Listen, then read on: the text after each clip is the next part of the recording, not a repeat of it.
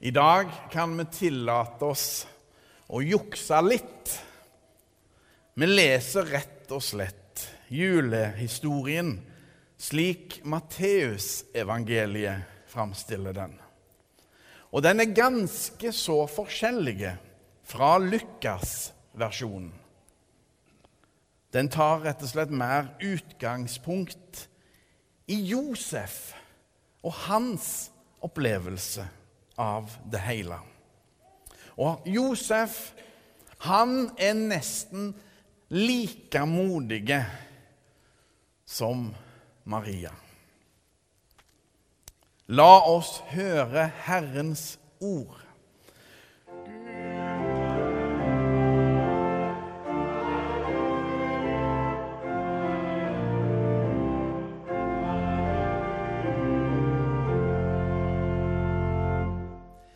Det står skrevet i evangeliet etter Matteus. Med Jesu Kristi fødsel gikk det slik til. Hans mor Maria var lovet bort til Josef. Men før de var kommet sammen, viste det seg at hun var med barn ved Den hellige ånd. Josef, mannen hennes, som var rettskaffen og ikke ønsket å føre skam over henne, ville da skille seg fra henne i all stillhet.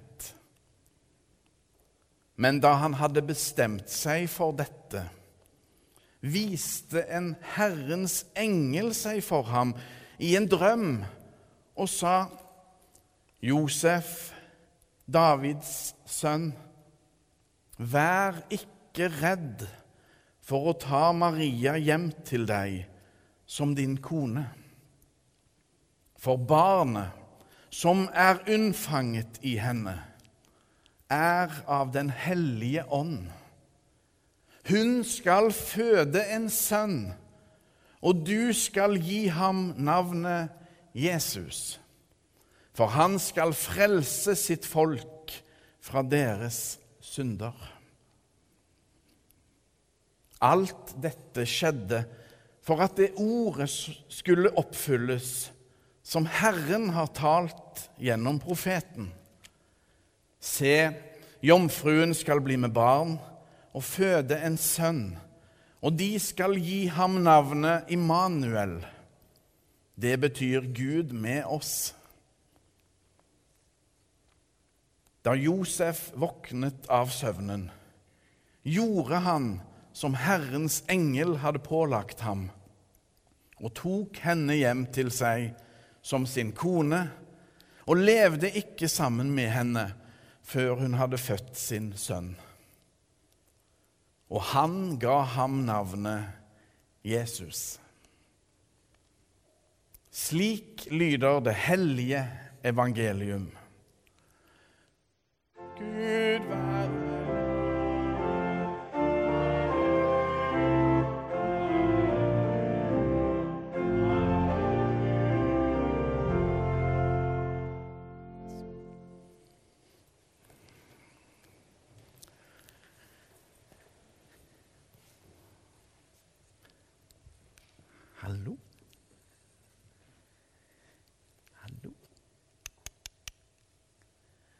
Det er takk, takk. Det er ingen som helst problem å komme i advents- og julestemning når vi har et lite barn iblant oss, slik som Emilie. For det er jo faktisk det jula dreier seg om. At Gud kom til jorda og blei en av oss som et lite barn. I all sin sårbarhet og hjelpeløshet. Svakt og lite, men allikevel sterke og store. Med hele seg. I all sin avhengighet i all sin nærhet. Gud er så store at han gjør seg synlige i den minste blant oss. Det vitner om kongeverdighet, om sjøltrygghet.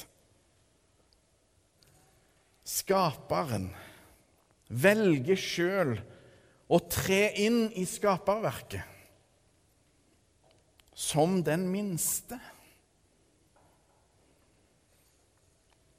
For å si det med et fremmedord Dette kalles for inkarnasjonen. Inkarnasjonen. Eller på nynorsk ikjøting. Ikjøting. Dens mysterium. At Gud ikler seg kjøtt og blod. Det er så stort at vi kan nesten kjenne at det knaker i hodet om vi prøver å tenke på det. Guds kjærlighet er uforanderlige og nøyaktig den samme uansett hvordan vi snur og vender på han. Slik Gud er trofaste og pålitelige. For Gud er kjærlighet. At vi mennesker roter det til i Jesu navn, det er ingen store hemmelighet. Kirka har gjort seg skyldige i både maktmisbruk og overgrep. Mye dumt og forkastelig er sagt og gjort i Guds navn i Jesu navn. Vi mennesker er nå engang slik. Men Gud er den samme. Guds kjærlighet er den samme. Alt begynner der. I stallen i Betlehem foreløpig ei tomme krybbe. Gud kommer altså ikke ovenfra,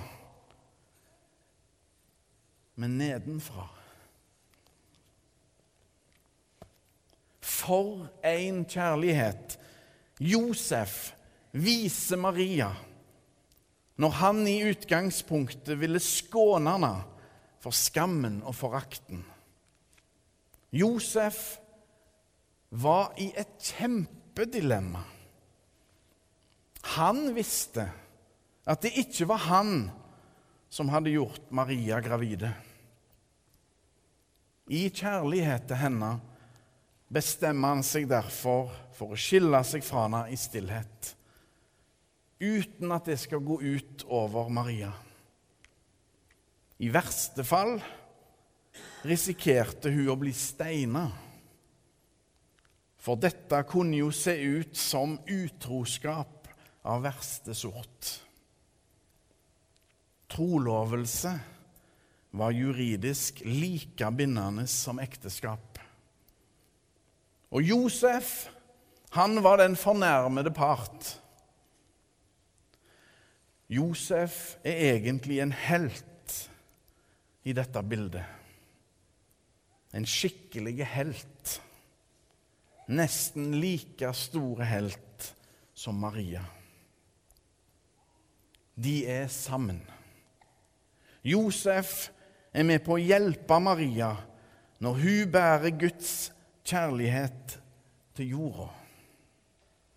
Maria og Josef elsker hverandre.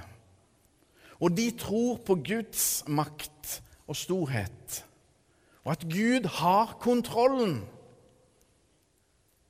Derfor ser de det utrolige og umulige skje med troens øyne. Guds kjærlighet gjør seg synlige i krybba. Guds kjærlighet trenger bleier. Lære seg å gå, lære seg å lese. Guds kjærlighet stabber seg inn i verden på barneføtter. Lære seg å snakke, lære seg et håndverk. Guds kjærlighet blir voksen og fullfører det verket som ingen andre kan.